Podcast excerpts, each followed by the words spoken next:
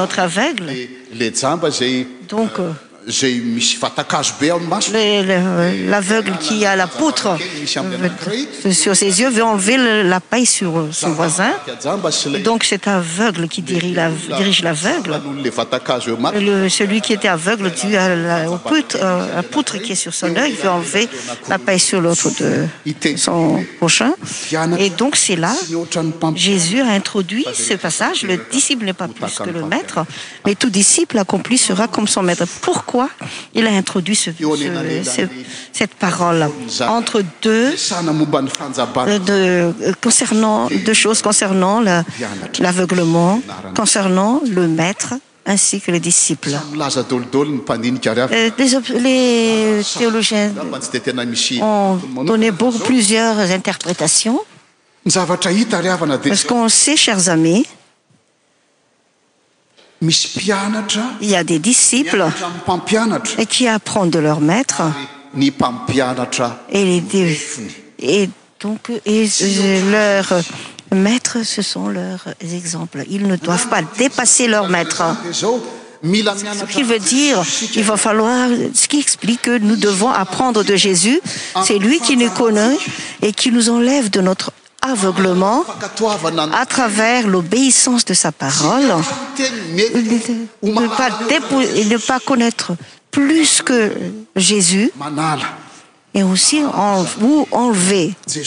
de la parole ou changer cette parole c'est jésus notre limite c'est jésus qui apprend qui enseigne devant l'aveuglement chers amis c'est là qu'on voit la place de la parole et voilà on a parlé tout à l'heure de ces gens qui ont voulu euh, dilapider cette femme laglo dvid adultère et c'est la lumière de jésus qui a ouvert les yeux de ces gens là il va falloir apprendre la parole de dieu pour ouvrir nos yeux nous savons euh, nous peut-être euh,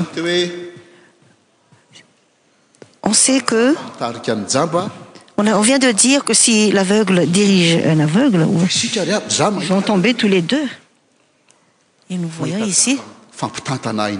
moi je vois dedeux aveugles qui se donnent la main dans la ue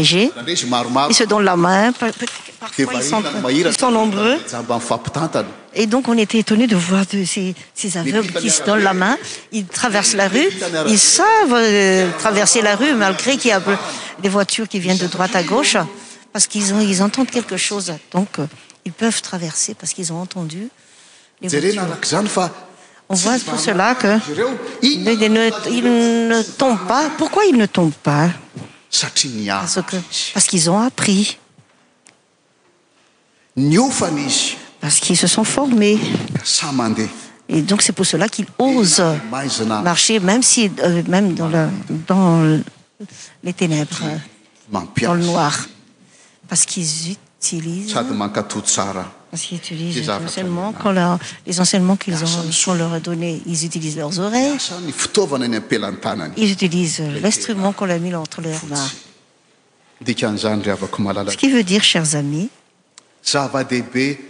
est très important d'apprendre auprès du seigneur il va falloir savoir écouter et obéir à sa parole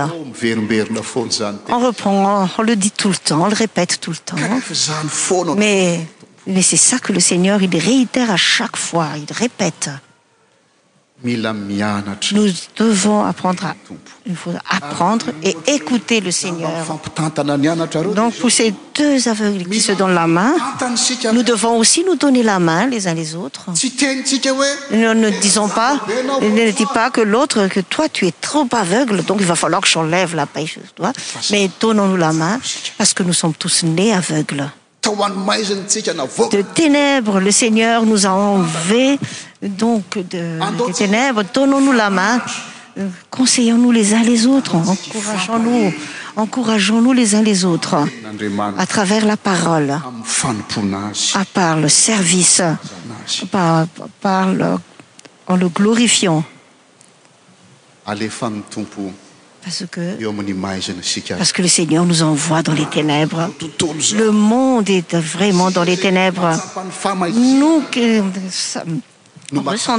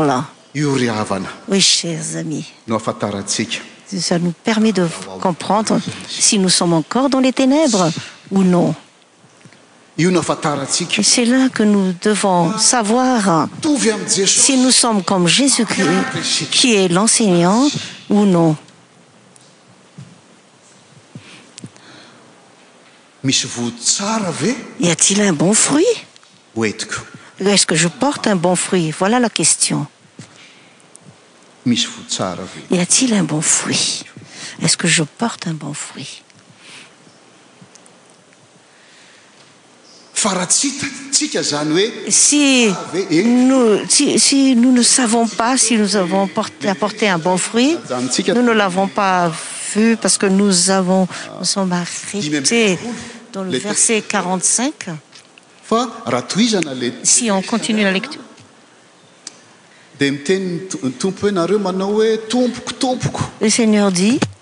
y pourquoi m'appelez-vous seigneur seigneur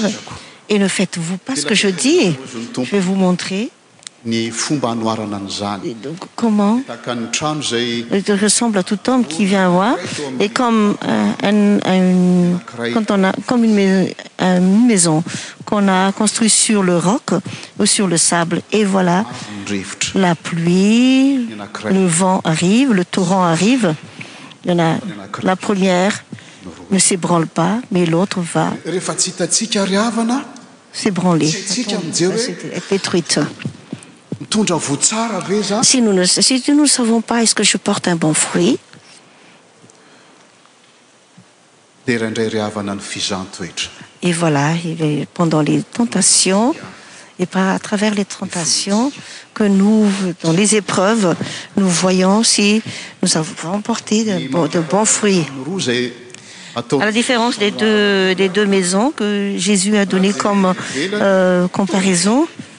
Ah, ce sont deux maisons idtiques peut-être l'un es euh, plus belle que lutre mais la fndtion nes pas la même